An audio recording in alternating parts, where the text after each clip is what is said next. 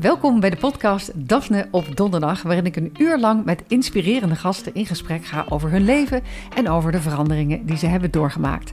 Hoe kun je eindelijk afrekenen met dat veel te kritische stemmetje in je hoofd? Hoe verschilt het vrouwenhart van het mannenhart? En op welke symptomen moet je letten? Wat is duurzaam geluk? En waar kan je dat vinden? Je hoort het allemaal de komende weken in Daphne op Donderdag.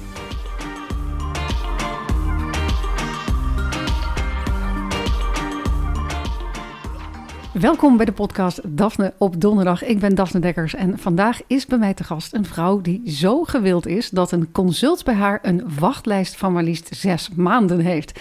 Ze noemt zichzelf een spiritueel helper en zegt dat ze dingen kan zien, horen, voelen en ervaren die voor de meeste mensen verborgen blijven. Ze heeft al duizenden mensen geholpen met de problemen in hun leven en vandaag is ze hier om te vertellen hoe ze dat nou precies doet. Welkom in mijn schrijfhuisje. Gwenda Kwaks. Ja, hartstikke leuk om hier uh, te mogen zijn, om uh, mijn uh, verhaal ja, met jullie te mogen delen. Ja, ik vind het ontzettend leuk dat je er bent. Ik moet me wel even over het idee heen zetten dat je dwars door me heen kijkt of zo. Ja. ja, maar dat is iets wat ik eigenlijk nooit ongevraagd zal doen. Weet je, dat heb ik ook moeten leren. Hè, dat ik jonger was, was dat wat voor mij wel wat moeilijker om daarvoor af te sluiten. Maar kan je wel je gaven zeg maar ik kan het, uitzetten? Ja, ik kan het wel uitzetten. En dat is niet... Ehm, omdat ik dat uh, nodig vind of zo. Maar ik vind niet dat ik zomaar ongevraagd in iemands uh, leven mag stappen. Want niet iedereen is daar natuurlijk op gesteld. En heel veel mensen vinden het wel heel fijn. Maar ik zou dat nooit uh, ongevraagd zomaar okay, dus we kijken. kunnen gewoon Je dit zit veilig. ja, ik, zit, ik zit veilig. Ja. Ik heb op LinkedIn bij jou gekeken. En daar omschrijf je jezelf als spreker, inspirator en spiritueel helper. Maar ik vroeg me af, waarom noem je jezelf eigenlijk geen medium of paragnost? Zijn dat allemaal verschillende dingen? Ja, nou ja, kijk, ieder heeft daar natuurlijk een eigen visie over. Ik vind het zelf uh, ja, persoonlijk een klein beetje zweverig klinken. Een en medium? Ik, ja, persoonlijk. En dat, en dat is niet uh, verkeerd bedoeld. Maar uh, ja, ik ben gewoon eigenlijk gewoon Gwenda. En ik sta echt wel met mijn benen ja, recht op de grond, laat ik het zo zeggen. Dus ook wel een beetje nuchter. Zo ben ik ook wel wat opgevoed. En ik vind het gewoon fijner om een helpende hand voor vele mensen te kunnen zijn. In plaats van dat ik me een paragnost of medium noem. Is dat misschien ook omdat daar bepaalde vooroordelen meteen aankleven? Als je ja. zegt dat je medium bent, dat mensen dan denken, oh jee. Ja, nou ja, ik heb wel eens, daar heb ik wel eens over nagedacht. Want ik, uh, het is wel heel leuk als mensen bij mij binnen in de praktijk komen. Hebben mensen soms toch een bepaald beeld over mij. Van, uh, nou ja, hè, zal ze uh, in blauwe kleding rondlopen? of heeft ze een glazen bol? Of ja. hè, zit er een R of een S in? Weet je wel, dat soort dingen. Ja, ik en, zie iemand met een A, een A, een B, een B, een ja, C, C. Ja. ja, maar je, je ziet er niet uit... ja, dus we hebben hier geen video bij, maar... Oh, ja. Ja, ik weet niet hoe ik me paragnost of medium voorstel. Nee, kijk, maar... en misschien is dat wat je zegt, dat kan inderdaad een soort vooroordeel zijn.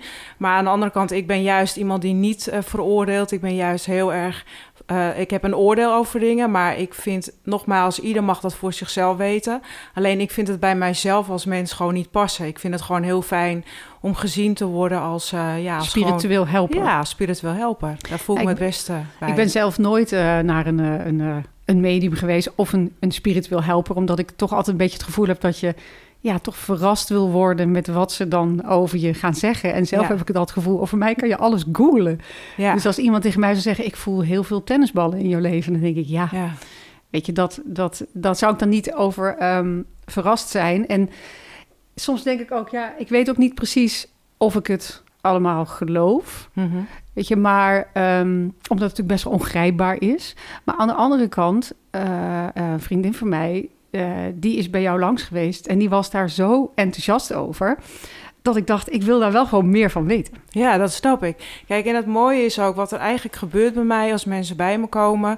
En ook al zou jij dat zelf zijn, hè, het is niet dat ik, ik zal sowieso nooit gaan kijken uh, waar je vandaan komt, wat je doet. Uh, en ik, eh, ik vind het hartstikke mooi met datgene met wat je doet en wat iedereen eigenlijk met zijn leven Maar je doet. gaat mensen van tevoren niet Nee, opzoeken. absoluut niet. Het is bij mij zo gedetailleerd. Dus je, stel, hè, mensen komen bij mij binnen, gaan op de bank zitten en dan vertel ik letterlijk wat ze een uur daarvoor bijvoorbeeld hebben gedaan. Dus ik had laatst twee mensen bij mij in de praktijk en toen hadden ze onderweg uh, in de auto waren ze met elkaar bespreken van nou we moeten maar wel weer samen naar Spanje gaan om te kunnen ontspannen. En ze zaten daar. Toen zei ik, wat leuk dat jullie naar Spanje gaan. Wat fijn dat jullie... Maar dat krijg je allemaal al mee, ze van ja, tevoren... Ja, maar we gaan, nu, we gaan nu heel hard. We zitten nu al bij jou op de bank, uh, zeg maar. Want ik wil even terug naar het begin uh, van, dit, van dit alles. Want het is natuurlijk wel een heel bijzonder verhaal. Uh, ik zag dat je uit Heilo komt. Ja, ben je daar ook geboren? Nee, ik ben daar niet geboren. Ik ben geboren in Hoogwoud. En um, ja, zeg maar, mijn opa en oma die hadden een camping in uh, Heilo. En ik kwam daar als kind eigenlijk heel veel, want ik voelde me daar eigenlijk wel heel erg ja, op mijn gemak. Uh, vooral de natuur. Voor mij is uh, ja, ja, het, bos. is uh, uitgeroepen tot ja. een van de groenste gemeenten, ja. of de groenste gemeente van Europa. Ja, klopt. Dus, en dat is voor mij ja, echt wel de bron. Hè. Dus de natuur, dat is voor mij de voeding ja, waar ik heel spiritueel kan zijn. En, uh, oh ja? Ook, ja, ik kan me daar heel erg in vinden. In de, ik vind in het wel grappig dat je zegt uh, bron. Ja, want toen ik, de bron. Uh, toen ik ging opzoeken wat is er allemaal te doen in Heilo... want ik ja. had niet zoveel dingen over Heilo paraat...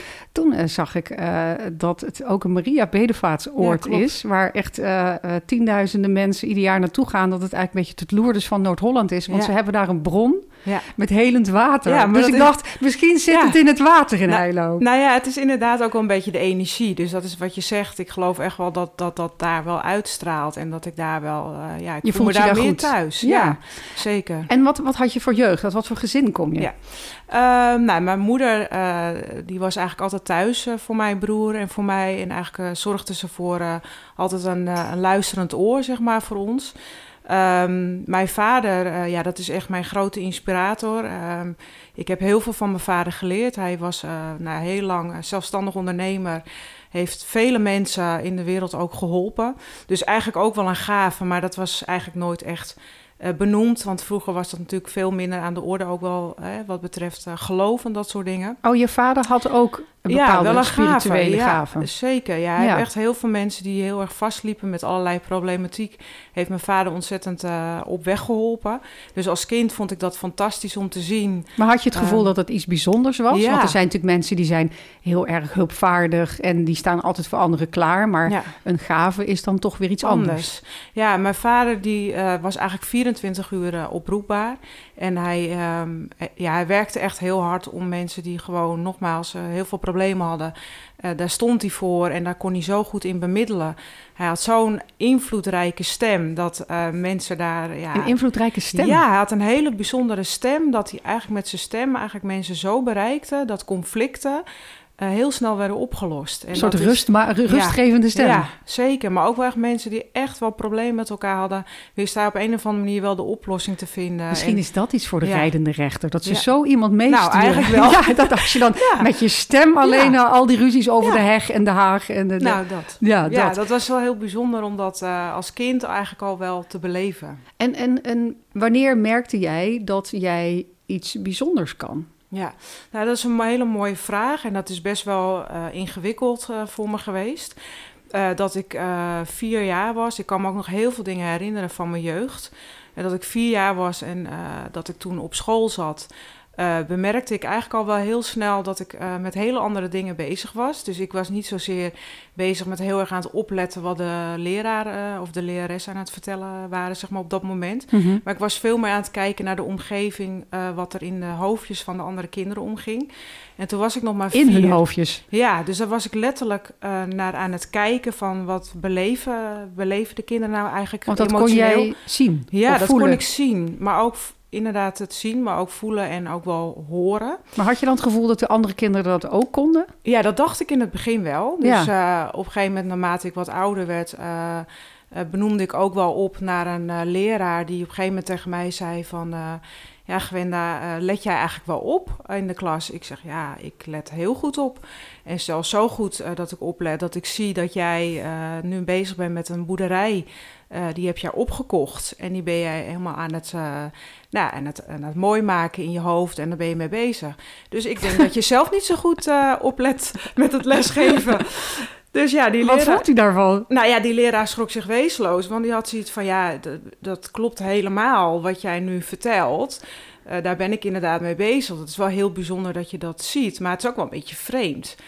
En maar dan kan je nog denken, je hebt het in de buurt gehoord of zo. Ja, maar dat, dat was natuurlijk niet aan de orde. Want hij kwam heel ergens anders vandaan. En ik wist ook helemaal niet hoe zijn privéleven was. En ik was nog heel jong.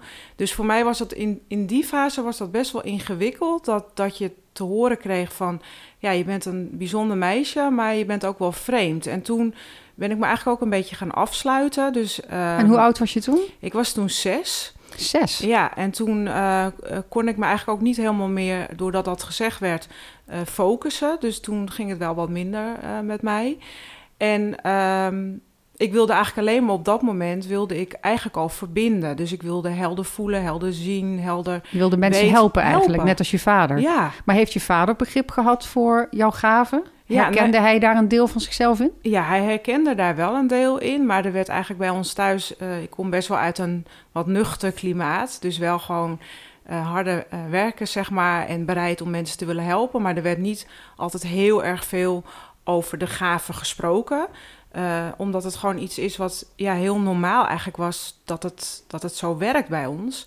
Alleen op school werd ik daar natuurlijk wel een beetje op aangekeken. En toen op een gegeven moment uh, was het best een lastige fase. Want toen werd ik vaak ook wel uit de klas gehaald. Omdat ik, ja, ik, uh, ik deed, voldeed niet helemaal aan dat element wat je eigenlijk op school moest doen. Hè? Dus het schrijven en het rekenen. En ja, ja, ik was alleen maar bezig van, oh wat interessant, hè? dat meisje naast me, eh, die komt uit dat gezin en die heeft daar nu last van en daar kan ik er nu mee helpen. Dat vond ik veel belangrijker dan... Maar mensen vonden dat dus raar. Je kreeg een beetje het sticker ja. Eh, van uh, Gwenda is een beetje raar. Ja. En, dat is natuurlijk ook niet goed voor een jong meisje. Nee. Dat is niet goed voor je zelfvertrouwen. Nee, zeker niet. En uiteindelijk uh, was het gevolg ook dat mijn ouders moesten ook op gesprek komen op die school.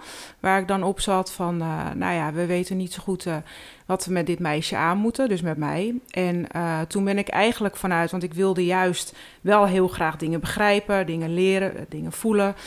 Uh, maar toen werd er toch gezegd van ja, misschien is het toch verstandig om haar naar een lomschool te laten gaan. Want we kunnen haar niet het gepaste onderwijs geven.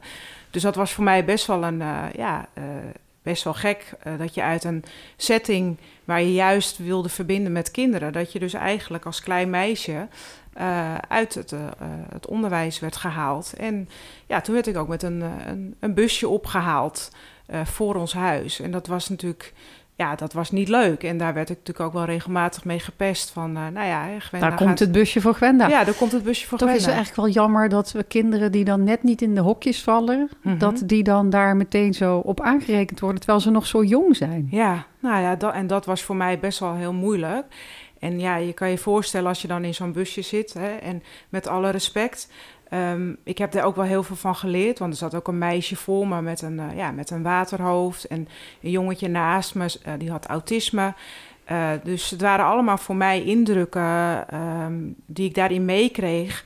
Maar dat ik ondertussen wel voelde wat, er, uh, wat het beste voor hun was om ze daarin te kunnen helpen. Oh ja? Heb ja. je altijd een sterke connectie gevoeld met mensen die het minder hebben? Of met mensen die een ziekte hebben of die ergens onder lijden? Misschien ja, is dat juist. toen al... Uh, ja, ja daar ben je blijkbaar mee geboren. Maar... Ja, kijk, ik ben daar zeker wel mee, mee geboren, absoluut. Um, ik, ik, ik, hè, met mijn gaaf ben ik geboren, maar hun natuurlijk ook met een, een, een beperking.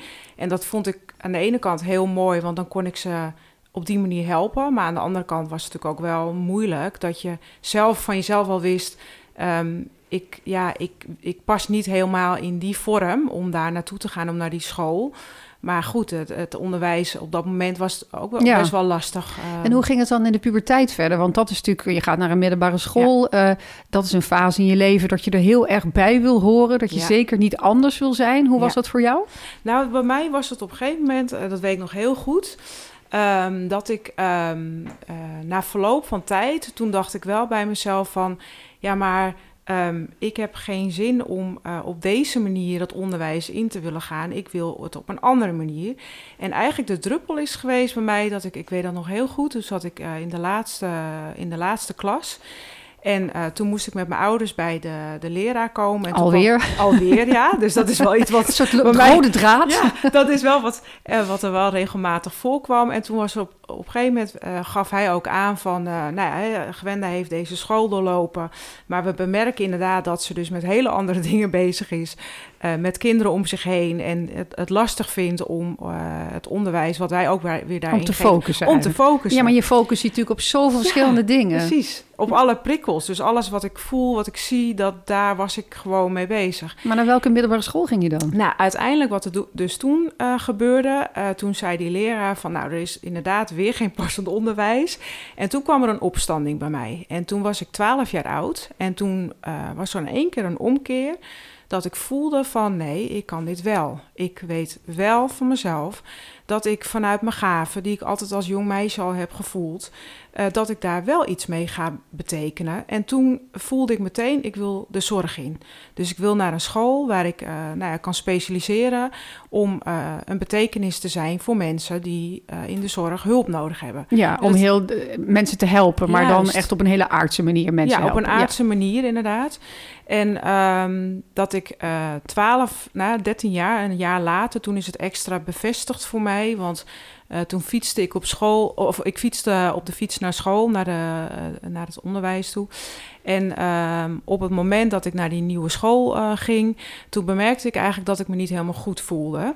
En ik denk dat dat ook wel iets was van al die jaren, dat ik eigenlijk mijn gaven voor me heb gehouden. Hè, want ik had het eigenlijk altijd al. Maar Ze vonden je al raar genoeg? Raar genoeg. Ja. ja, dus ik dacht van, nou ja, weet je, dat is, dan ga ik daar maar niks meer over vertellen en niet meer voelen. Totdat ik op een gegeven moment er dus niet meer onderuit kwam. Dat ik dus inderdaad op de fiets niet goed voelde. En toen ben ik um, teruggefietst naar huis. En ik weet nog goed dat ik um, op de bank uh, lag. En toen probeerde ik mijn moeder te roepen van... Uh, nou mam, uh, ik voel me niet goed. ja, je moet me helpen.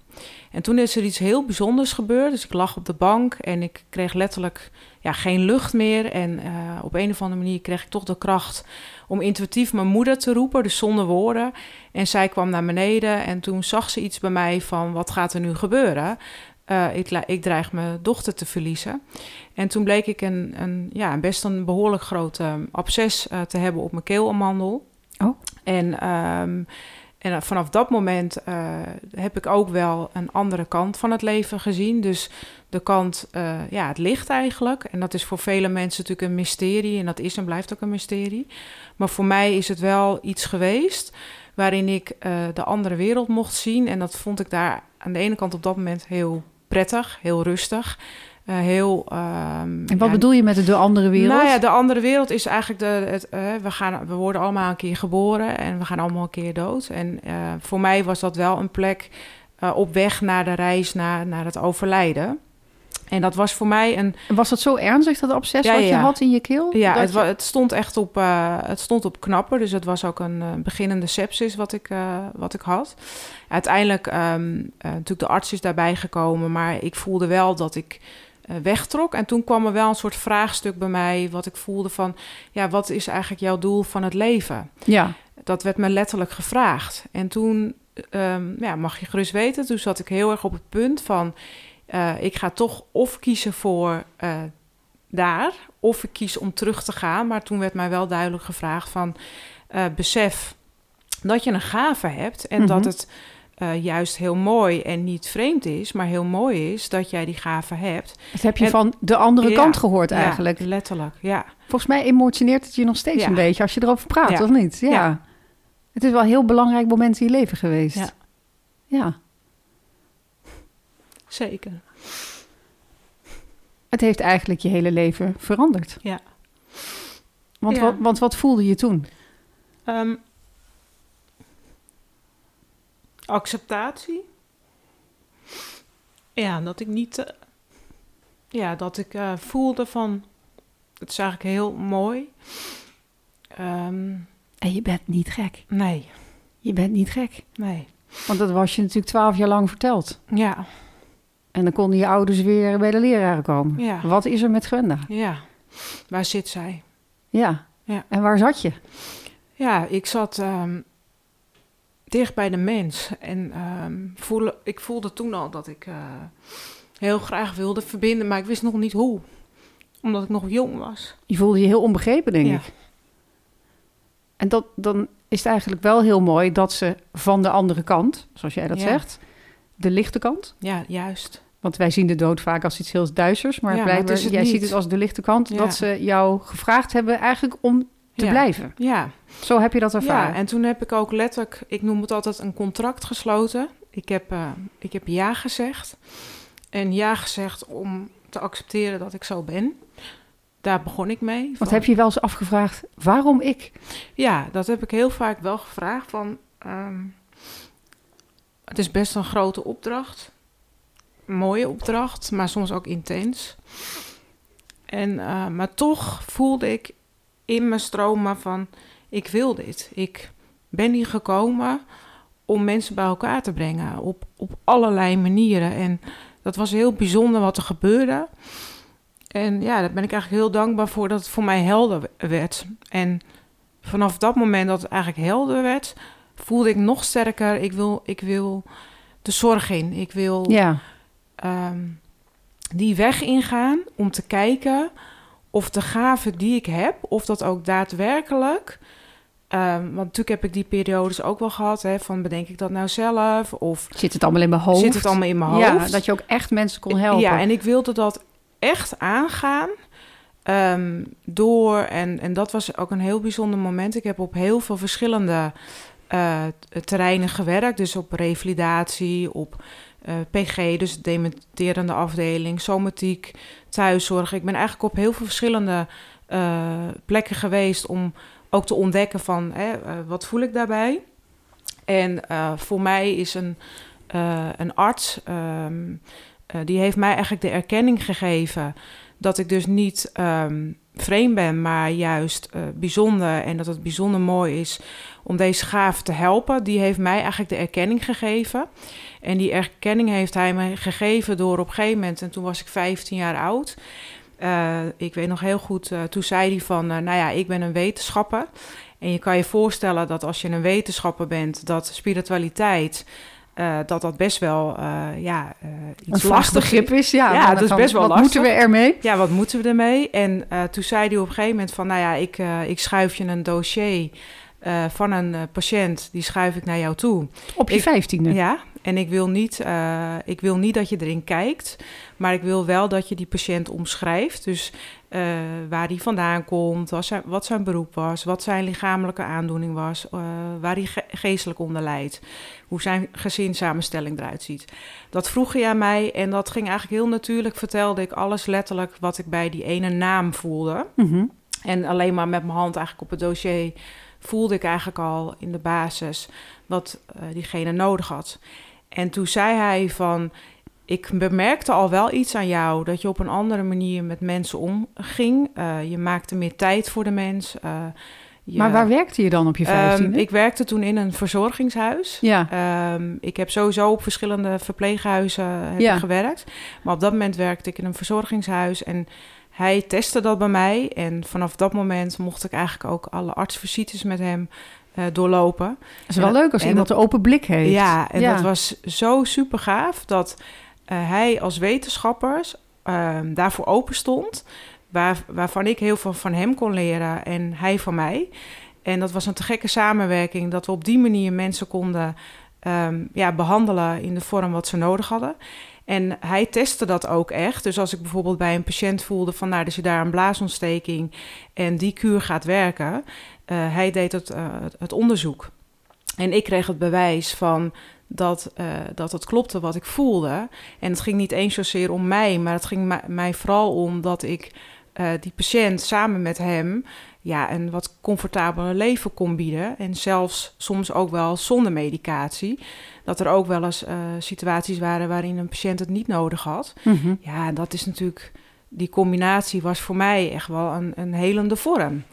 Ja, maar ik kan me wel voorstellen, ook nu je dit soort dingen zegt over uh, dat je dus ook op het medische vlak, zeg maar, mm -hmm. dingen voelt of adviezen geeft, dat dat ja. nou precies een punt is waar veel mensen zeggen, hmm, ik weet niet of mediums dat zouden moeten doen. Nee, maar doordat ik dat van hem juist, hè, de goedkeuring Hij gaf kreeg, jou die ruimte. Ja, hij gaf mij de ruimte om te zeggen van, nou, ik wil die samenwerking met je aangaan, ik erken dat. Ja. Uh, is het voor mij echt supergoed geweest om, uh, om daar ook in te kunnen ontwikkelen. Dus niet alleen maar op het stukje uh, uh, medicatie, maar ook gewoon puur gewoon kijkend van hoe kan dat dat een, een patiënt onrustig is en uh, wat kunnen we daaraan doen? En Ja. dan voelde ik gewoon van ja, diegene wil gewoon liever om 11 uur uit bed, omdat diegene dat altijd gewend was. En niet om 7 uur. Hele praktische dingen Ja. voel je ook. Het is niet Ja. heel zweverig. Nee, Ehm, zeker niet. Wat je, en hoe lang heb je in de zorg gewerkt? Eh, ik heb daar vanaf mijn eh, vijftiende tot, eh, nou, ik denk ongeveer eh 17 jaar dat ik daar wel gewerkt heb. 17 jaar. Ja. Mag ik vragen hoe oud je bent? Want dat Ja. kon ik nergens vinden. Nee, ik ben 43. 43, ja. Ja.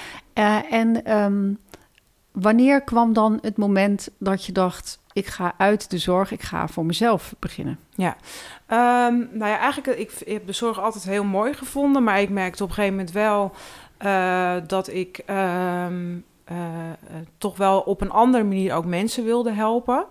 Eh, en niet alleen maar de artsvisites en bij mensen aan bed, wat ik nogmaals wel heel dankbaar werk vind. Hè? en ook heel mooi dat mensen daar tijd voor maken. Maar ik bemerkte toch nog wel dat ik mijn tijd op een andere manier wilde invullen met mensen. En dat ik mezelf ook wel breder wilde maken qua vraagstellingen. Ja. En, eh, dat En ik kan me ook wel voorstellen, hoe die ene arts die gaf jou best wel Ja. veel ruimte, maar je hebt natuurlijk jaren in de zorg gewerkt. Er Ja. zullen ook vast wel collega's zijn geweest die er niet heel erg voor open stonden. Ja, nou, dat, eh, kijk, het was niet zozeer bij mij dat ik daar heel erg mee te koop liep. Dus het was, eh, er waren wel een aantal mensen die van mijn gaven afwisten.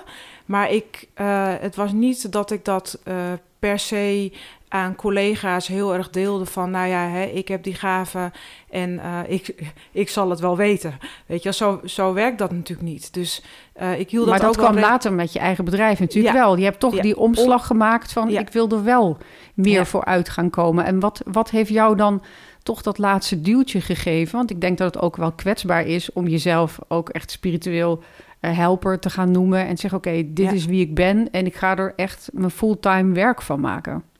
Nou, ik heb me eerst nog een tijdje, eh, voordat ik inderdaad voor mezelf begon, eh, eh, ben ik eerst als voedingsdeskundige, eh, heb ik heel lang mensen op een gezonde leefstijl eh, geadviseerd. Dus dat was nog een beetje veilig.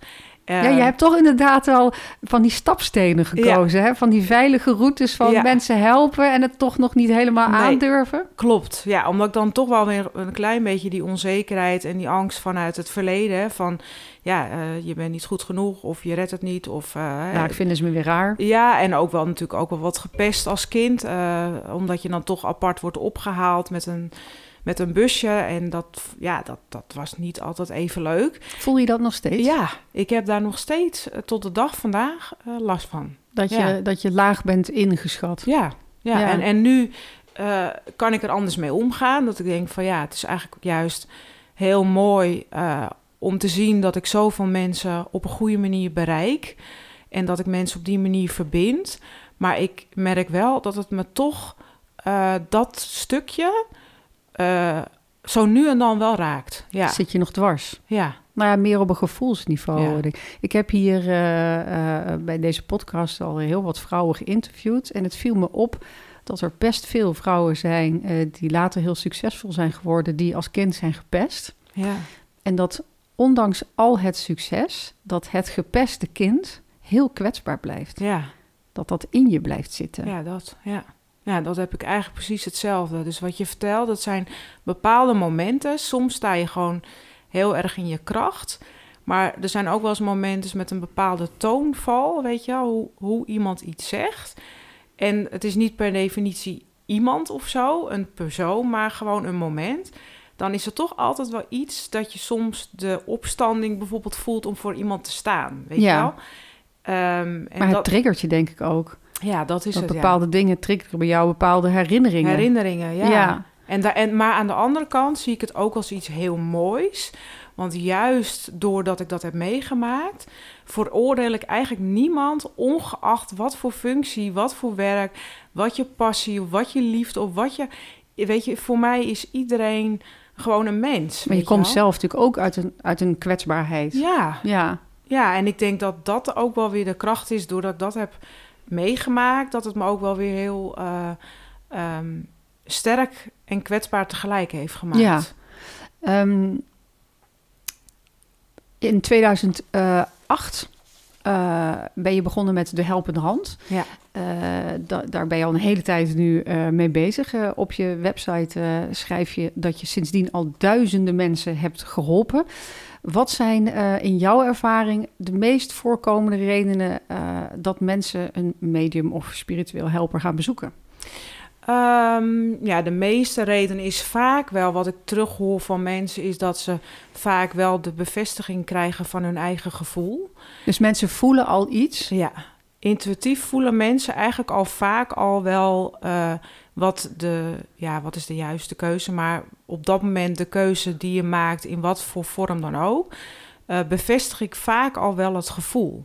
En uh, dat mensen dus eigenlijk het eigenlijk al wel weten maar toch net dat setje uh, krijgen om dan toch die beslissing vanuit zichzelf te maken. Dus het is Durven niet... mensen niet zo op hun eigen intuïtie te vertrouwen? Nee, dat is wel, dat is wel een beetje kwijtgeraakt bij de mens. Dus, uh... dus de oplossing voor veel van je eigen problemen hebben mensen al zelf bij zich? Ja, dat denk ik wel, ja. Ik denk dat we uh, dat vaak al wel bij ons dragen... en dat we vaak de antwoord, antwoorden al wel weten. Maar doordat we daar soms niet bij stilstaan... En misschien ook wel de, de hectiek uh, uh, waar vele mensen in leven. Ja, dat overstemt misschien je gevoel. Ja. ja, en dat is iets waar ik mensen naartoe breng. Dus ik, uh, mensen zeggen wel eens, het, het lijkt wel alsof je letterlijk in mijn woonkamer zit. Dus ik... En jouw leven meeleeft. Ja, en, ja dat ik dus... Ja, ik, ik wilde ja. toch gewoon nu even dan precies gaan we het er eens over hebben. Want ja. je bent nu zo populair uh, dat die individuele consulten die je doet... heb je natuurlijk een enorme wachtlijst van zes maanden. Neem eens mee uh, naar zo'n consult. Stel, ik boek bij jou een sessie van een half uur, een uur, anderhalf uur, alles, alles kan. Wat gebeurt er dan precies? Is het bij jou thuis? Ja, het is bij mij inderdaad uh, thuis. Ik heb wel een aparte ruimte die, uh, nou, die mijn man uh, voor mij heeft gebouwd. Dus super, super lief. Ja. En, um, en eigenlijk wat er eigenlijk gebeurt... er zijn mensen die zijn soms heel erg hè, voorbereid... met allerlei vraagstellingen wat ze allemaal willen weten. Maar eigenlijk werkt mijn gave zo... dat ik echt de essentie eruit haal op dat moment wat er nodig is. Dus hè, je komt binnen, nou ja, ik bied een kopje koffie, een kopje thee voor je aan. En dan krijg ik dus letterlijk te horen. Uh, nou, waar je vandaan komt, uh, wat je die dag uh, van plan was, waar jij verdriet over hebt. Dat hoor jij in je hoofd? Nou, dat, ik hoor dat eigenlijk via ja, verschillende manieren. Ik kan dat dus inderdaad via je eigen beschermengelen horen. Hè, Mensen dus hebben beschermengelen? Ja. Iedereen ja. heeft die? Ja, absoluut. Daar ben ik echt van overtuigd dat we dat allemaal hebben. En de een heeft dat misschien wat... Hè, wat meer om zich heen dan de ander. En dat, het is ook maar net, sta je daar natuurlijk voor open. Uh, maar voor mij is het uh, overduidelijk dat, dat, uh, dat het dat het Want bestaat. jij maakt contact ja. met die beschermengelen. Ja. En, en hoe doe je dat dan? Nou ja, eigenlijk, um, stel er komt iemand naar mij toe en die wil dan bijvoorbeeld weten hoe het, nou, hoe het met, met vader of moeder gaat. En dan hoor ik. Die dus, al overleden is? Die al overleden is. Mm -hmm. En dan krijg ik dus letterlijk te horen van hoe diegene altijd sprak. Uh, wat voor werk hij deed, uh, hoe het nu gaat, waar hij zich bevindt. Maar wie uh, vertelt jou dat? Zij, degene zelf. Diegene ja. zelf? Ja, dus, dus de... Dus... En hoe weten die jou te vinden? Ja, misschien heb ik te veel Hollywoodfilms nou ja, gekeken, maar nou ja, kijk, in films is het vaak zo dat overledenen heel blij zijn als ze iemand vinden in de, in de sterfelijke wereld, zeg maar, waar ja. ze contact mee kunnen maken. Ja. Gaat dat in het echt ook zo? Ja, kijk, het, absoluut. Uh, um, uh, zoals ik het zie, is er zijn mensen die keren zo nu en dan terug. Uh, om dan inderdaad inzichten te willen geven in het aardse leven hier. Maar er zijn ook mensen die inderdaad meer bij de mensen blijven om zich heen op dat moment, die ook zijn overleden. Maar ik krijg het zo gedetailleerd door. Dus het is echt uh, letterlijk dat ik de naam hoor, hoe iemand eruit ziet, uh, hoe, hoe, de verbindenis is tussen diegene. Uh, ja, dat is, dat is, het is niet um, zo van, nou ik zeg maar wat. Nee, het is letterlijk hoe diegene in het leven... En ja, het tegen jou zegt. Ja, letterlijk. En, en, en zelfs ook wel, soms ook wel eens in andere talen. Dus dan, hè, dan laatst had ik dan een reading en toen begon ik opeens helemaal in het Engels te spreken. Nou, niet dat ik heel erg onderlegd ben in, in Engels, maar op dat moment wel. En dat kwam omdat diegene een Engelsman was. En diegene die bij me zat, die zei ja. Dat is mijn vader en die komt uit Engeland. En die, ja, die spreekt vloeiend natuurlijk Engels. Maar moet, jij, uh, moet jij je dan uh, concentreren? Is het als een soort, moet ik het me voorstellen, als een soort radio dat je de, de goede frequentie moet vinden? Of doe je je ogen dicht en komt het vanzelf? Hoe werkt dat bij jou? Ja, het is eigenlijk gewoon, ik kijk je gewoon aan. En dan op, op ik pak eigenlijk een, uh, een blaadje en een pen en ik ga spiritueel schrijven. En ik krijg, spiritueel schrijven? Ja, Wat is dat? schrijven. Nou, dan krijg ik eigenlijk allerlei uh, steekwoorden door en soms lange zinnen. En dat is eigenlijk um, dat ik dat, ja, dat mijn pen, ik schrijf dan wel, maar eigenlijk komen de zinnen zo vloeiend van degene hè, die dan op dat moment naar mij. Jij schrijft niet zelf, je hand wordt gestuurd. Ja, eigenlijk wel, ja. ja. ja. En daar komen allerlei uh, woorden, dat is niet echt zeg maar, terug te lezen. Ja, dat zei mijn vriendin ja, ook, dat, ze dat haar blaadje had bekeken. en dat het was een soort, zij kon geen chocola van maken. Nee, klopt. Maar jij weet wel wat er staat. ik weet precies wat er staat. En dat zijn gewoon hele verhalen uh, op dat moment, uh, wat iemand op dat moment kwijt wil. En dat geef ik eigenlijk gewoon weer door. En um, het bijzondere is ook wel uh, dat omdat ik natuurlijk heel veel mensen spreek, eh, kan ik ook daarna, en dat is ook mijn gave om het ook wel weer los te kunnen laten. Ik weet ook niet meer wat er op dat moment allemaal besproken is. Dus mensen nemen het ook altijd op. Ja, dat zei mijn vriendin ook. Dat je had gezegd, neem het vooral op, want als dit voorbij is, weet ik niet meer waar het over gegaan is. Is dat ook een soort zelfbescherming? Want je kan natuurlijk niet al die verhalen en al die problemen in je hoofd houden. Nee, het is, het is, inderdaad, eh, het is inderdaad ook misschien ook wel zelfbescherming. Ik kan dat niet helemaal op die manier zeggen. Ik denk dat dat meer is dat ik ook begeleid word om die verhalen ook los te kunnen laten. Want het lijkt me ook niet heel natuurlijk als je al die elementen, al die vragen, al die dingen vast blijft houden. Begeleid door wie? Nou, begeleid door degene die op dat moment met mij, met mij in contact is. Dat ik Moet ik het dan zo voorstellen dat jij doet een deur open? Ja. Er komt informatie doorheen en dan gaat die deur ook weer dicht. Ja, ja, zo, dat is eigenlijk heel mooi omschreven. Dat is eigenlijk wat er gebeurt. En zo kan ik in het dagelijks leven ook mee, mee omgaan. Dus uh, ik uh, kan zeg maar naar buiten treden. Uh, zonder dat ik dus al die uh, verhalen en informatie hoor. Dus wat je als kind eigenlijk niet kon in de klas, dat, al die, dat je al die informatie, het, al die hoofdjes, dat kan je, die deur kan je nu dicht houden ja. overdag. Ja, kijk. Lijkt me wel rustiger. Veel rustiger, ja. En uh, vroeger was het echt, dan liep ik op straat en dan wist ik gewoon van, liep er iemand langs, maar dan wist ik, nou, dat is een advocaat, uh, die krijgt, die vrouw die krijgt een derde kindje, die mensen daar die gaan verhuizen. Wat vermoeiend. Ja, dat is heel zwaar. dat is niet te doen. dat is niet te heb doen. Je, heb je soms niet zoiets van, oh, stop alsjeblieft. Nou, dat had ik toen wel inderdaad. Maar nu omdat ik het uh, ook wel uit kan zetten. Dus ik kan wat jij zegt, hè, deurtje open, deurtje je dicht Je hebt het leren beheersen. Ja, kan ik, heb ik daar een, een rustige vorm in. En... Heb je nou ook wel eens dat de gidsen niks willen zeggen? Of willen ze altijd wat zeggen? Ja, ik heb dat eigenlijk, ik heb eigenlijk nog nooit echt meegemaakt dat het nou, ik heb wel, als ik terugdenk, ik heb wel één keer gehad met iemand die wilde dan heel graag weten hoe het met haar broer ging. Mhm. Maar die broer vond het leven hier uh, vrij ingewikkeld. Uh, die wilde ook niet echt meer uh, terugkeren in het leven. En toen heb ik haar wel eerlijk gezegd, en dat is wel, als je bij mij langskomt, dan is het ook heel duidelijk, heel eerlijk. Ik ga het ook niet anders maken. En toen heb hij ook heel duidelijk te kennen gegeven: joh, ik vind het prima zo. Ik wil niet meer um, dingen delen. Ik wil gewoon uh, met rust gelaten worden. Ja, en dat is voor, voor iemand die daar natuurlijk heel erg naar uitkijkt, kan natuurlijk ook teleurstellend zijn. Van ja, maar ik wil zo graag weten. Zo een beetje een domper dan, ja, inderdaad. Ja, maar aan de andere kant, ik vind, ik ga niet iets vertellen uh, wat ik. Ja, want dat ik... vroeg me wel af. Uh, jij ziet natuurlijk veel in mensen en. en ja zie je dan ook dingen dat je denkt, poef, kijk, een derde kind zien is hartstikke leuk als iemand graag een derde kind wil. Ja. Uh, maar zie je ook dingen dat je denkt, nou, dat uh, ga ik toch maar even niet zeggen, want daar zit helemaal niemand op te wachten op deze informatie. Nee, nou, natuurlijk zijn er wel eens dingen die ik, die, die ik dan zie, dat ik denk, ja, dat is niet zo, uh, niet echt leuk. Maar aan de andere kant denk ik, ja, is dat iets aan mij om dat, om dat te delen? Ik denk altijd van, iemand moet daar eerst zelf nog achter komen. om daar zelf mee om te kunnen gaan. En ik kan dat op een of andere manier ook heel erg loskoppelen. Dus ik kan heel erg naar uh, de goedheid uh, van de mens kijken. Uh, en ik geloof heel erg dat niemand, niemand volmaakt is. We hebben allemaal onze tekortkomingen. En ik kan dat heel erg. ik wil dat ook niet altijd oplossen. Ik vind ook niet dat. Um, ik, nogmaals, ik blijf gewoon het goede van de mens blijf ik zien. Ondanks dat ik wel eens misschien elementen oppik dat ik denk, oeh, Dat is niet zo leuk. Dat is niet zo Dat leuk van zo- je, wat is- hier gebeurt. Nee, dat. Nee, maar ik kan me ook voorstellen, ziektes die je aan ziet komen of auto-ongelukken die je aan ziet komen, Ja. dat zijn dingen die wil je toch eigenlijk helemaal niet weten. Je hoopt natuurlijk eigenlijk positieve boodschappen. te-. Maar zie je die dingen aankomen? Ehm, ja, ik, ehm, ik, kijk. Of vertel je dat doe- liever niet? Nou, kijk, liever doe ik natuurlijk geen uitspraken over dat soort dingen, maar ik heb wel iets meegemaakt, ehm, ehm, vrij privé, zeg maar, eh, dat ik eh, wist dat diegene zou overlijden. En dat was heel dichtbij. Een persoon die heel veel betekenis voor mij heeft. En dat vond ik wel heel moeilijk. En ehm, toen dacht ik wel eh, twee dingen van... ehm, ja, moet ik hier nu over gaan praten met de rest van de mensen die met hem betrokken zijn?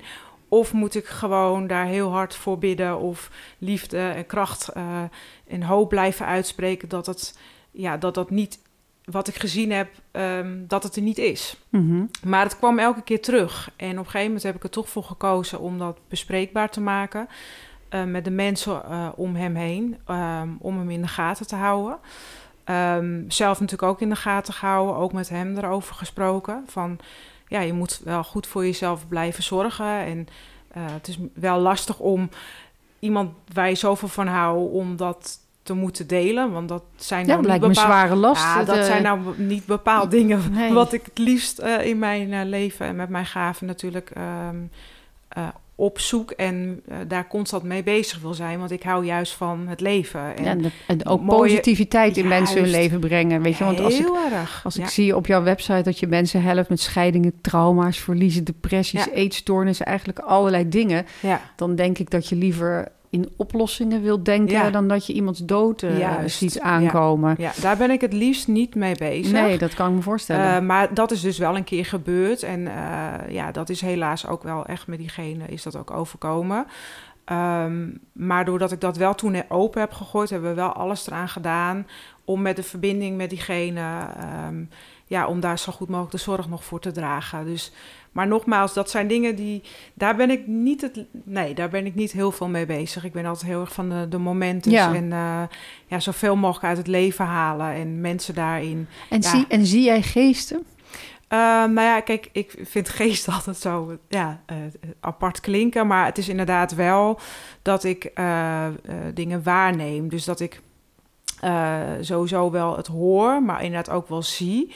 Eh, maar dat is niet zoals wij elkaar nu zien. Hè? Dus, dus elkaar zo letterlijk zien. Het is meer dat je het in een soort van eh, silhouet ziet. Dus wel de vorm en eh, hoe iemand staat, hoe iemand spreekt. Dat kan ik dan wel zien. Maar dat is niet iets wat ik dagelijks zeg maar hoef te zien. Dus het is echt op momenten zoals ik denk van hè, iemand vraagt daarnaar van hè, hoe is het, eh, nou, hoe is het met mijn nicht of hoe is het met mijn zus? Dan doe je die deur open. Dan doe ik de deur open. Maar Ja. ik ga niet eh, continu.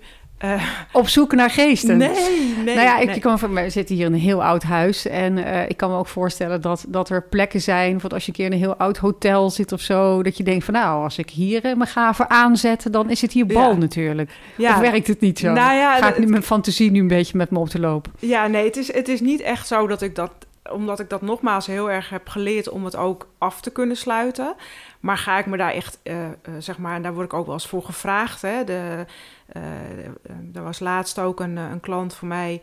eh, de kinderen waren continu eigenlijk wakker en eh, nou, onrustig, niet kunnen slapen. Ehm, eh, ook tussen elkaar, tussen man en vrouw, ging dat niet heel goed. En toen vroeg ze dus of ik even langs wilde komen om te kijken van wat is dat nou? Is dat nou iets tussen ons dat, dat, niet, dat we het niet goed Of is het een of klopgeest? is het een, eh, iemand die daar is die het verstoort? En uiteindelijk was dat dus inderdaad eh, aan de orde. Dus ik heb ook kunnen... Dat bestaat echt. Ja, nou, ik heb dus kunnen invoelen wie de oude eigenaresse eh, was, zonder dat ik wist wie het was, want ik heb geen idee. En die Je gaf gaat wel... niet eerst in het kadaster kijken. Nee, nee dat, is, Nee. nee. dat is iets wat ik niet doe.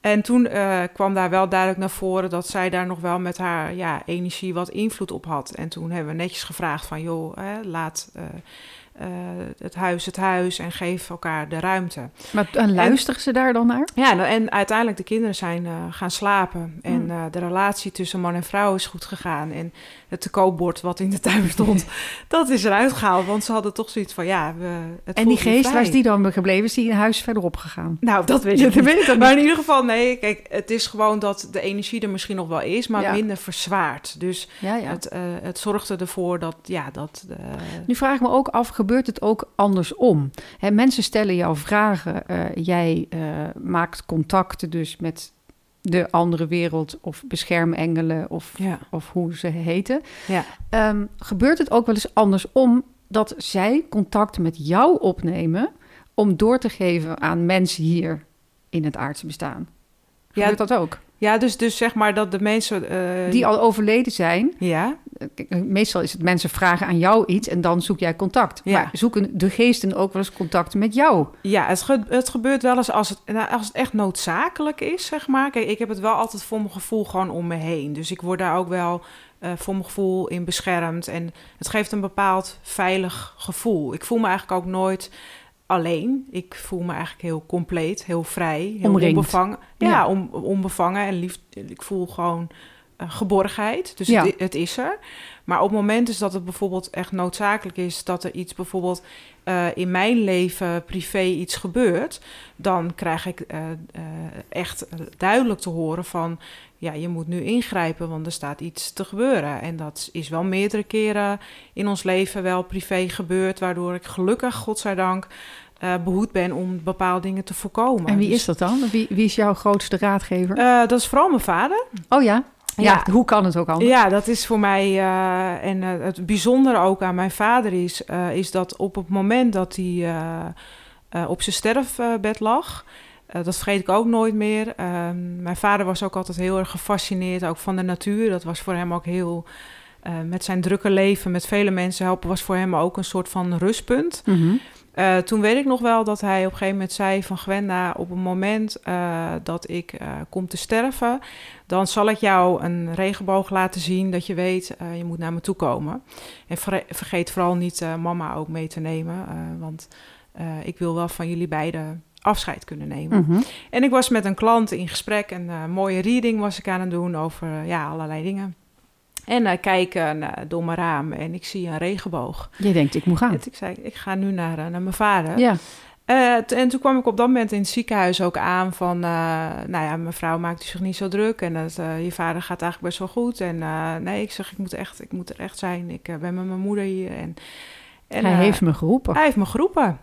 En op dat moment, het was zo bijzonder, ehm, ja, hield ik hem vast. En toen zei hij van, ja, ik hoop nooit, dat kon hij nog zeggen, van ik hoop niet dat ik je tekort heb gedaan. Ehm, ik was altijd heel hard werkend, maar mijn doel was mensen helpen.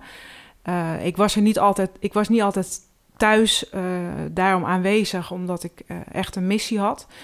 En toen zei ik, ja maar pap, de momenten dat je er was, was je er echt. En dat is voor mij van waarde. En ik weet dat de band is goed. En Hij vond is- het toch wel belangrijk om dat allemaal nog te zeggen. ja, hij wilde dat nog zeggen, want hij voelde ehm, dat hij soms wel eens bang was dat hij daar aan tekort schoot, omdat, hij, omdat er op hem ook heel veel beroep werd gedaan, waar hij nogmaals bewust voor heeft gekozen.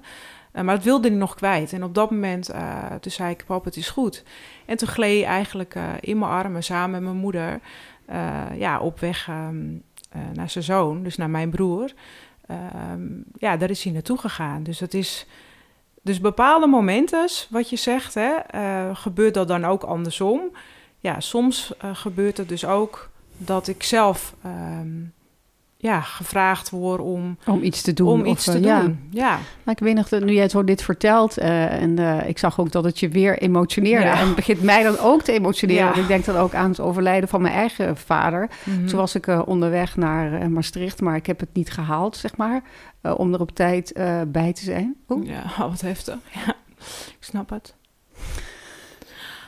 Ja, Zit ik hier zelf mee. ja, Maar het gekke vind ik dat ik het wel voelde. Ik Ja. voelde precies het moment dat hij overleed. ja, dat.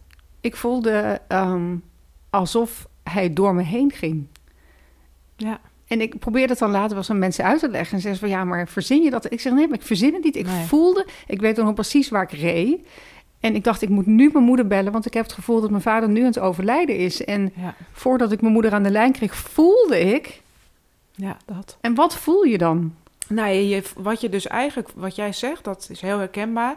Je voelt op dat moment gewoon letterlijk dat je geroepen wordt om daar naartoe te gaan. Ja. Dus je, je intuïtie, die hebben we allemaal, uh, die, die uh, komt dan zo los te staan van ons verstand.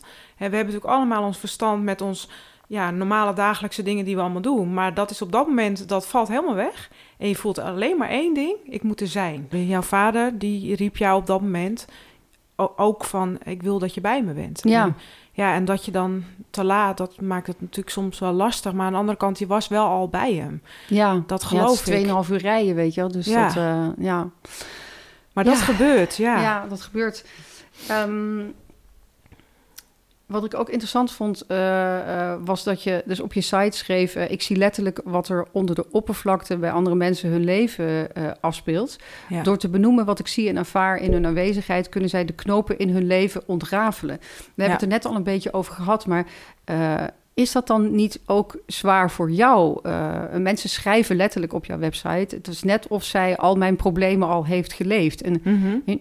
Dat lijkt me wel zwaar. Ja. Mensen komen altijd bij jou met best wel zware dingen. Er ja. is niemand die zegt, nou, ik ben hartstikke happy, doe eens een reading. Ja. Het, het, nou, er is altijd een knoop. Ja, er zijn wel inderdaad veel knopen bij mensen, maar aan de andere kant, mensen zijn niet alleen maar dat ze met zware dingen bij me komen. Er zijn ook mensen die bijvoorbeeld ja, vraagtekens hebben van, ja, welke richting moet ik nou eigenlijk in met mijn werk? En uh, laatst had ik dan ook iemand die... Uh, uh, nou ja, hij zegt, ja, ik geloof hier helemaal niet in. Ik ben gestuurd door iemand. Ik ben heel sceptisch. hij zegt, nou, ik ga hier zitten en uh, kom, maar zal, uh, kom maar op. Ga ja. jij maar vertellen. En ik zeg niks. Ik ga even testen of, je, of het wel allemaal klopt. En toen zei ik tegen hem, nou, wat leuk. Ik zeg, over anderhalf jaar dan start jij je kledingzaak in Amsterdam. En daar ga je heel veel plezier in hebben. Nou, hij zegt, ik heb niks in Amsterdam en ik heb al niks met kleding. Nou, en uiteindelijk is hij nu toch uh, kwam er dus iets op zijn pad dat hij dus nu uiteindelijk toch in Amsterdamse kledingzaak heeft geopend. En dat hoor je dan ook terug? Dat hoor ik dan terug. En, ja. dat, en dat weet ik dan niet meer, omdat ik natuurlijk heel veel mensen uh, nou ja, spreek en dan laat ik het ook weer los. Uh, dus dat zijn dingen die ook gebeuren. Maar ook ja. een klant die laat zei van... ja, kan je even invoelen of ik nog moet doorstuderen voor mijn examen? Want ga ik het halen of moet ik toch nog wat extra tijd erin steken? Nou, ik moet nog even ietsjes meer leren en dan haal je 7,4. En toen appte ze me terug. Nou, ze zeggen, ja, ik ga niet geloven, maar ik heb een 7,4 gehaald. dus het klopt helemaal. Dus, maar zit je er ook wel eens naast? Ja, er zijn ook wel eens momenten dat je bijvoorbeeld een... Um, ja, dat heb ik wel eens een keer ervaren dat ik een, uh, een zwangerschap bij iemand voelde. En dan voelde ik dan twee kinderen, een jongen en een meisje. En toen kreeg ze eerst een meisje en toen een jongetje. Dus het gebeurt dus wel eens dat het andersom, maar de hoeveelheden en uh, de, de, de tijdsduur ertussen, dat klopt allemaal wel gedetailleerd. Maar het kan wel eens een keer zo zijn dat het precies andersom is. En daar ben ik dus altijd wel een beetje voorzichtig in. Ja. Uh, uh, en dat noem ik ook e eerlijk op, hè? dat ik ook echt zeg van ja, het, het, kan zo zijn dat het andersom is. Het is geen exacte wetenschap hier. Nee. Wat me best wel moeilijk lijkt voor jou als, als, als mens, maar ook voor jouw beroepsgroep. Ik weet niet of dat, of dat zo is, maar ja. dat er ook wel geregeld geregeld mediums door de mand vallen, zeg maar. Ja. Uh, vooral de beroemde eigenlijk. Uh, want ik heb even terug zitten rekenen. En in 2008, toen jij met de Helpende Hand begon... dat was het jaar dat Char, die dus... Ik ja. zie een naam met een A, een B, een B, een C en ja, D... Dat, ja. dat die door de mand viel. want Zembla had een hele uitzending over haar gemaakt. Nou, een paar jaar later, David Ogilvy, die viel ook door de mand. En we hebben ook nog Robert van den Broeke gehad... die zichzelf eigenlijk de das om heeft gedaan door van tevoren van alles te gaan googlen. En Oh. daar viel hij dan weer door de mand. Dan vraag ik me af, dan begin jij net zo'n praktijk. Mm -hmm. En dan op televisie heb je mensen die dan ontmaskerd worden. Dat ja. is, lijkt me heel vervelend als je dus die gave echt hebt. Ja. En dat er dan altijd weer mensen zijn die daar commercieel misbruik van maken. En dat, straalt dat dan ook af op jou? Dat mensen zeggen van, nou, ik heb net die char op tv gezien. Ja, nou ja, ik, ik ben daar zelf niet zo gevoelig voor uh, in dat stukje. Dat ik denk van, ja, weet je, dat... dat um, Jij weet wat je kan. Ja, ik, ik, ik, ik ben er gewoon echt van overtuigd... datgene wat ik voel... Um, dat heb ik zo gerespecteerd en geaccepteerd. Dat ik, maar ik, ik maak het ook niet anders, weet je. Dus, dus ik noem feitelijk op wat ik voel, wat ik zie en wat ik hoor. En ja, ik vind het ook niet iets eh, wat ik doe dat dat ehm, eh, heel commercieel uh, hoeft te zijn. En als je het commercieel wel zou gaan doen, ja, dan denk ik wel dat je gewoon ehm, niet in de vorm van ik wil mezelf bewijzen of zo. Want dat is iets wat ik absoluut niet noodzakelijk vind om te laten zien van, nou ja, ik en mijn gaven. Nee, ik ben gewoon Gwenda en ik heb dit gekregen. En dus voor jou niet per se theatertours en uh, nee, nee, nee. En ik de, en kijk, en als er bepaalde dingen op mijn pad gaan komen waarin ik iets voel van dat kan ik betekenen voor de mensheid, hè, daar kan ik een onderdeel in zijn. Maar ik ben en blijf ook gewoon ehm, Gwenda. En dat is uit Heilo. Ja, uit Heilo. en, het, en het leuke is ook, dan had ik het laatst met mijn man ook over. Ik ben overigens uh, super blij met mijn gezin. Uh, met mijn vier kinderen en met, met, mijn man, dat ze ook mij accepteren. Ja, ik wou, dan wou nou ik ook nog vragen, hoe is dat voor je kinderen? Wat doet je moeder? Nou, wat mijn moeder doet... Ja, nou, had, toevallig hadden we dus laatst hadden we dat gesprek. En Want hoe oud zijn je kinderen? Uh, mijn oudste, ik heb drie zoons en een dochter. Mijn oudste is 18. Uh, een zoon en een zoon van 16, een zoon van 11 en een dochter van 9. En, um, uh, maar laatst had ik met mijn man er ook over van, ja, hij zegt, ja, ja, nou ja, voor mij ben je gewoon, gewoon zoals je bent, weet je wel. En ja, en ik hoor dan wel heel vaak verhalen van mensen, hè, wat ze daarin beleven. En dan lees ik wel eens dingen en dan zegt hij, nou, best wel echt wel bijzonder met wat je allemaal doet. En voor mij is het dus eigenlijk ook gewoon heel normaal dus ik, ik probeer me ook wel eens te verplaatsen andersom met mensen die dat dus niet hebben dan denk ik, ja, voor mij is het heel logisch dat als ik ergens bijvoorbeeld met mijn gezin loop, dat ik van tevoren al weet van, oh, die mensen gaan daar weg, dus daar kunnen we zitten. of zelfs, zelfs zo praktisch is het, dat je weet welke terrastafel. Heeft je man nooit gevraagd, zeg, kan jij niet eens even over die lottoballen van aanstaande zondag nadenken? Maar dat soort dingen, dat kan je niet zien. Nee, maar dat wil ik ook niet zien. Dat is voor mij ook gewoon niet interessant, weet je wel. En dat zijn natuurlijk wel eens mensen die zeggen van, oh, welk lotnummer moet ik komen? Zeg maar, daar ben ik niet voor gekomen op deze wereld is deze gave niet voor, voor de lotnummers. Nee. Ik, uh, ik las laatst uh, over Fleur Leusink. Ken je haar? Fleur Leusink is een, uh, in Nederland geboren, in Amerika opgegroeid. en ze heeft in 2021 heeft zij het boek geschreven... Ja. Mijn leven als medium. Ja. Hoe ook jij kunt communiceren met het universum. Ze heeft ook een, een podcast, Moving Beyond...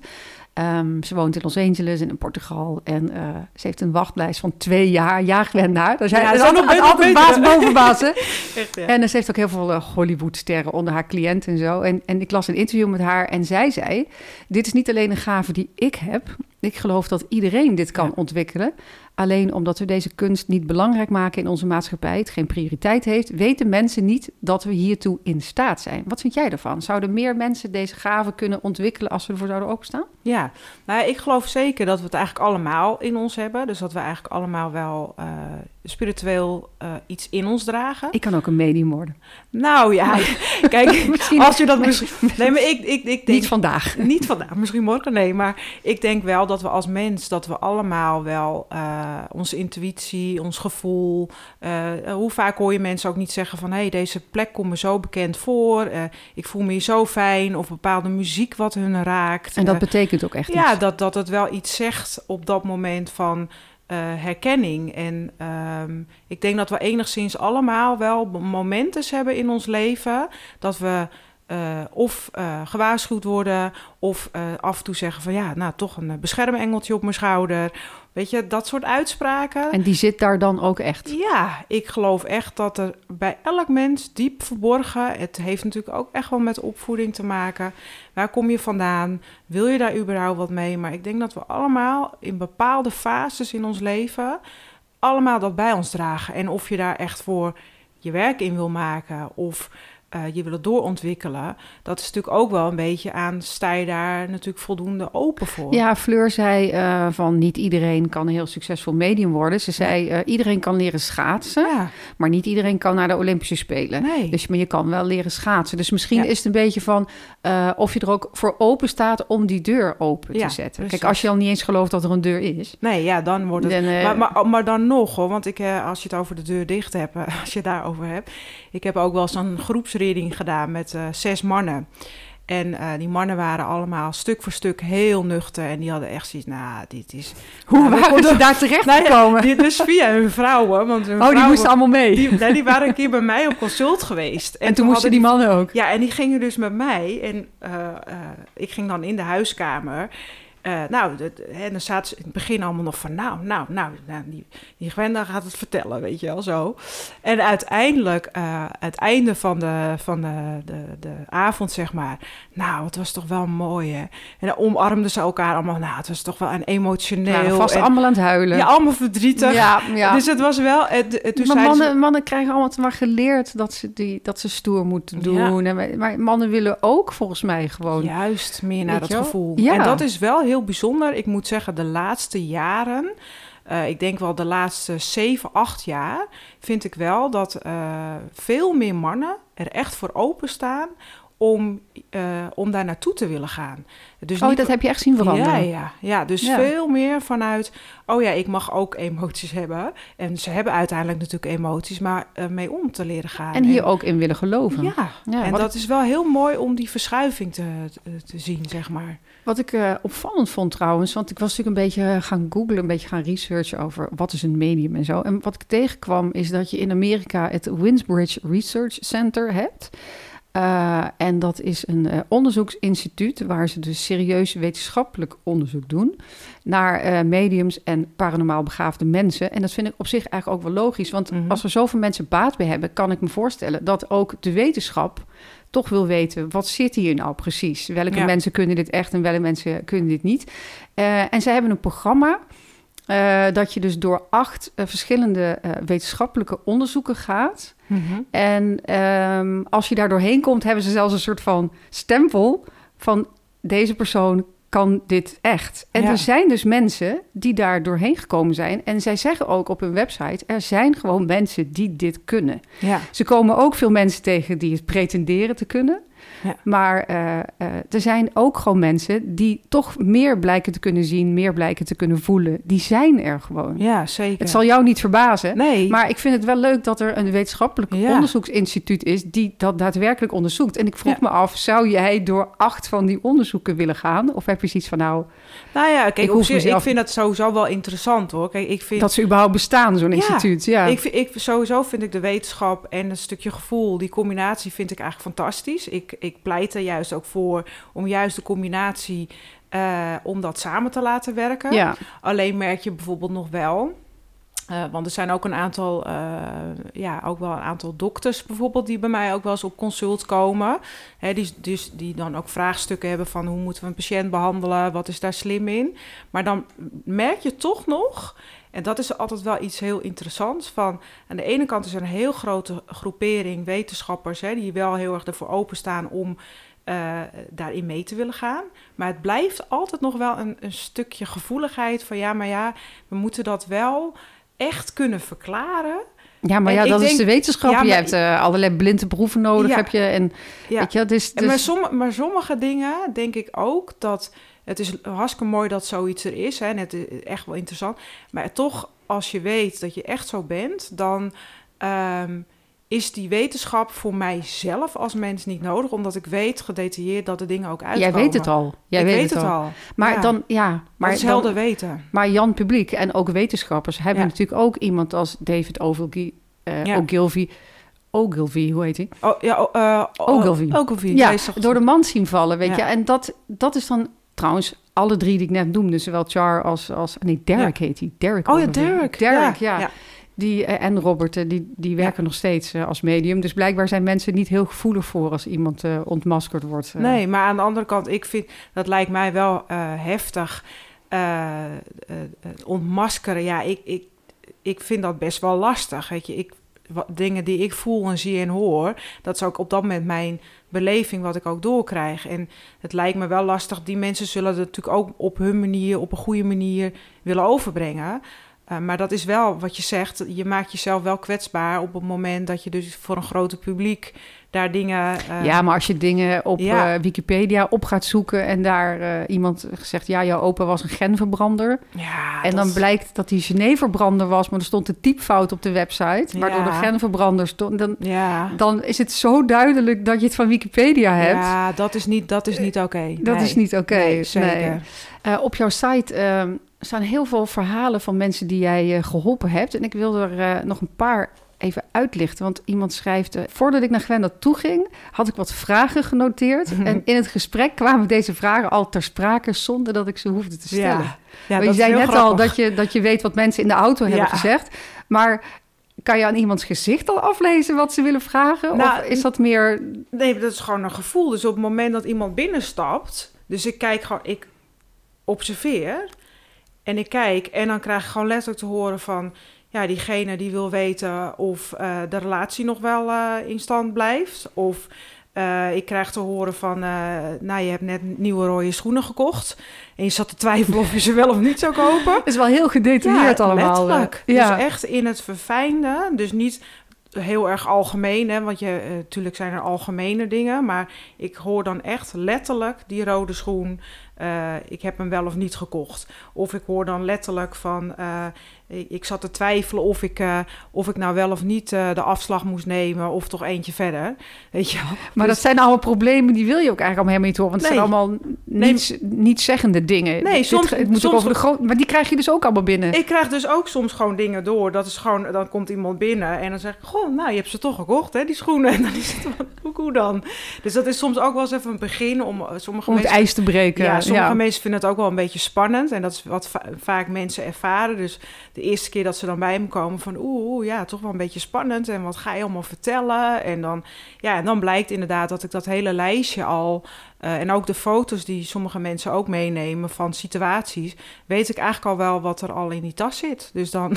Ik vind het echt heel bijzonder. Nou, dit Ja. zijn al dingen waar we er nog een beetje om kunnen lachen. Weet je, over schoenen of misschien werk. Ja, nee. Ja. Maar eh, op, je, op je website staan ook verhalen van mensen. Ik denk een moeder die haar zoon eh, is verloren. Ja, die zegt, ik zit nog altijd met een gat in mijn hart. Ja, Een ondraaglijke, intense pijn. Echter door Gwenda kan ik mijn hoofd boven water houden. Ik ben zelf moeder. En dat, ja, ik vind dat dan echt wel, wel heel erg heftig, zoiets. En ja, dat lijkt me een enorme verantwoordelijkheid... dat iemand zo verdrietig is over het verlies van een kind... en dat jij dan dat contact met het overleden kind ja, moet leggen. Maar ook omdat dit vaak is waar de meeste mensen kritiek op hebben. ja. Dat, dat mediums, mensen die rouwen... of Mhm. mensen die met een ondraaglijke verdriet zitten Ja, dat die daar dan op inspelen. Dat is eigenlijk, als ik dingen lees hè, Mhm. Google, is dat waar de meeste mensen een beetje zo hun wenkbrauwen bij optrekken. Ja, kijk, dat, dat, ehm, kijk, ik zelf, wat ik dan ervaar op dat moment, eh, ik probeer dan juist wat omgevingsfactoren daarvan vinden. Dat laat ik ook heel erg daar. En dat is aan ieder wat hij daarin van mag vinden.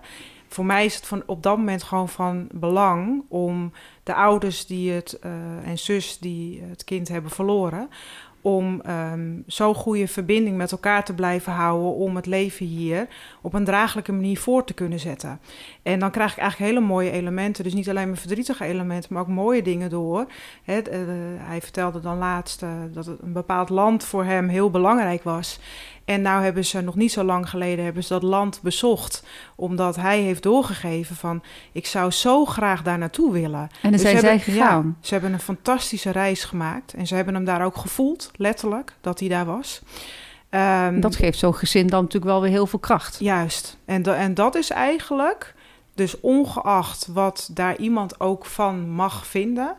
ehm, ik zie dat het rouwproces juist helend is. En niet volgens de stappen van, ja, je moet het maar ehm, eh, accepteren en je moet door.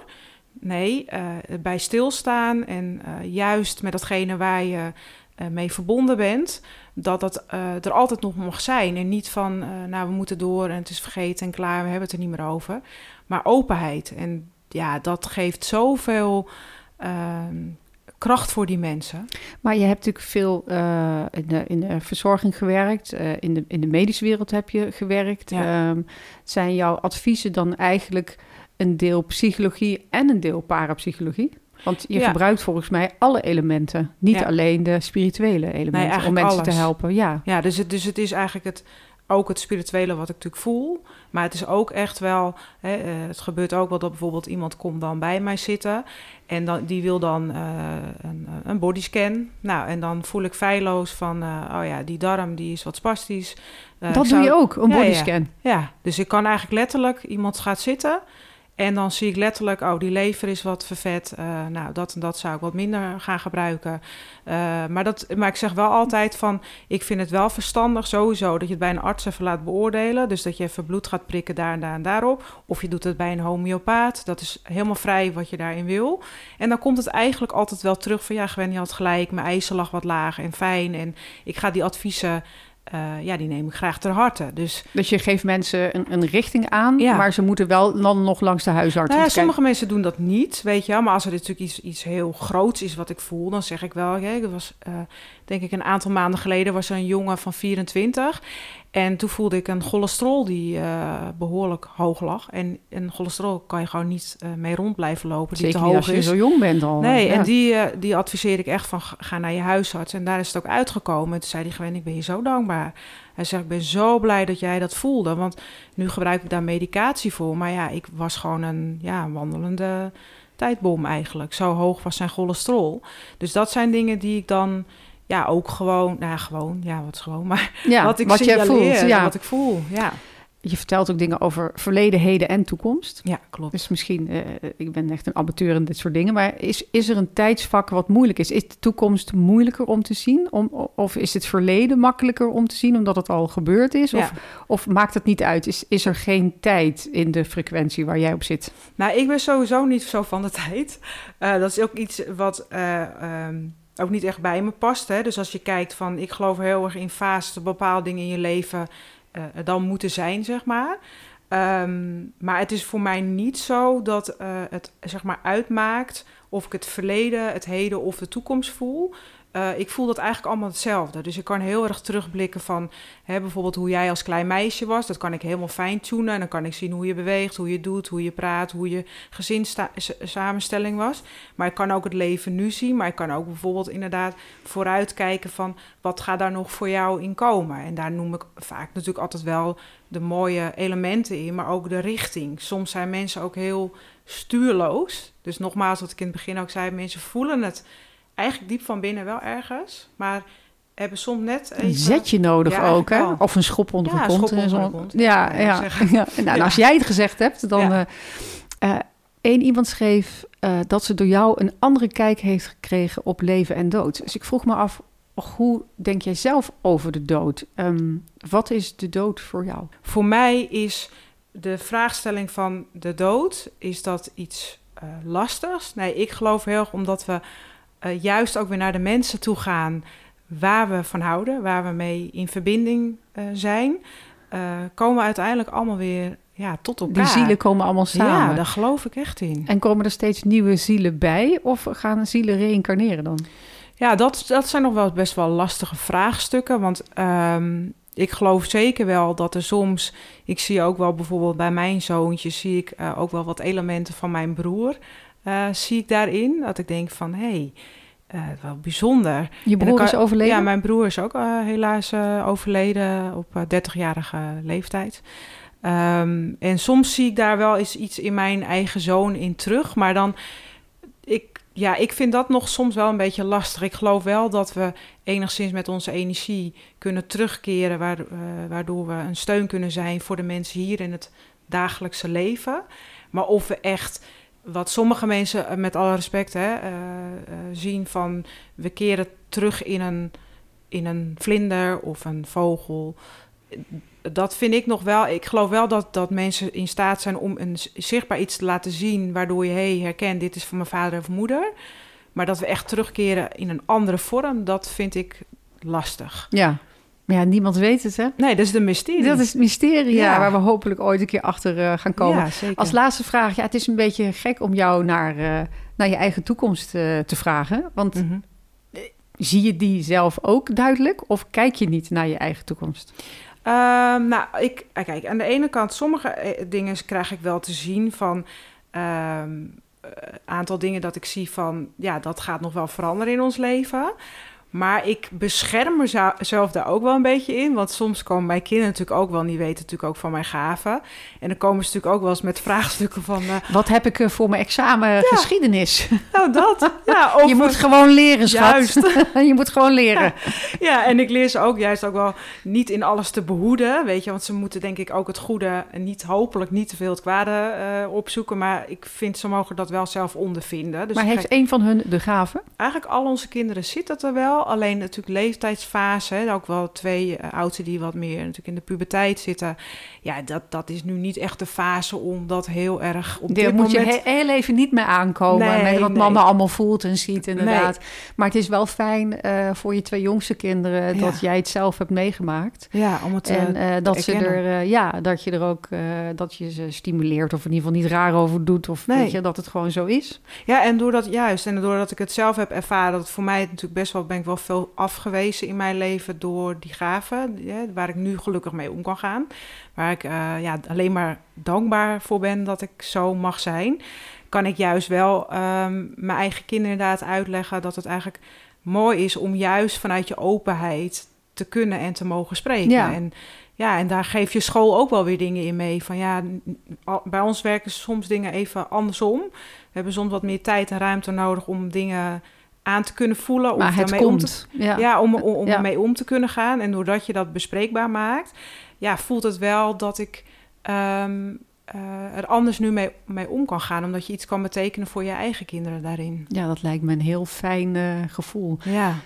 Ja, ik heb ook altijd een beetje zo dat, dat uh, hoewel ik mezelf ook heel nuchter vind en denk van ja, weet je, ik heb nog nooit iets paranormaals meegemaakt in mijn leven, maar Um, nou ja, behalve dan. Nee, heb ik eigenlijk wel. Wat zeg ik nou? Ja, dat heb ik eigenlijk wel. Want ik heb ook wel voorspellende dromen gehad en dat soort dingen. Mm Maar ik moet altijd een beetje denken aan, uh, aan hondenfluitjes. Weet je, een hondenfluitje, die, die toon die is er wel. Ja. Want je hond hoort hem, maar wij horen hem niet.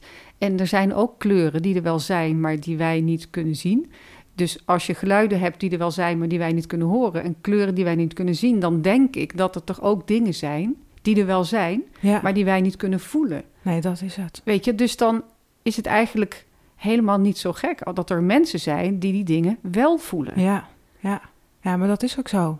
Kijk, en ik denk wel, juist door um, uh, dat bij jezelf op een gegeven moment, en dat heb ik natuurlijk ook moeten leren, om daarmee om te kunnen gaan. En dat ook gewoon te weten van ja, je doet daar niks verkeerds mee. Je probeert op een zuivere manier mensen daarin te begeleiden. Um, dat, het, dat je het ook niet meer. Ik heb natuurlijk heel lang wel gezocht naar een bepaalde erkenning. Maar omdat ik die erkenning heb ervaren door nou ja, die arts die mij heeft erkend.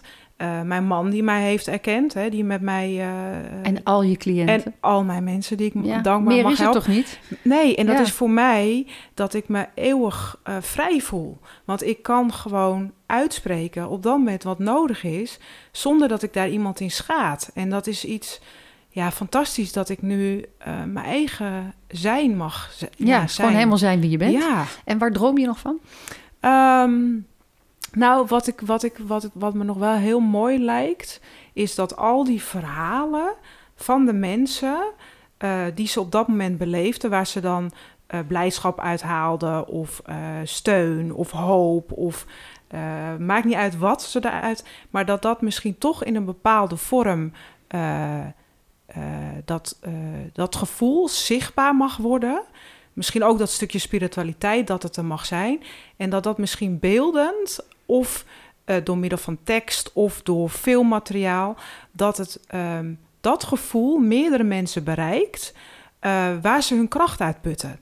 Dus of dat Misschien nou, ook een boek? Ja, ik denk dat dat heel ja. mooi is. Dus al die verhalen, en het is niet eens zozeer dat het per se over, om mij hoeft te gaan, maar gewoon om die mensen dat andere mensen zoiets hebben van: oh, dus als ik het zo doe, dan gaat mijn kind misschien wel slapen. Of als ik het zo doe. Dat ze er ook troost uit kunnen halen. Ja. En, en niet alleen uh, troost, maar misschien ook het gevoel van.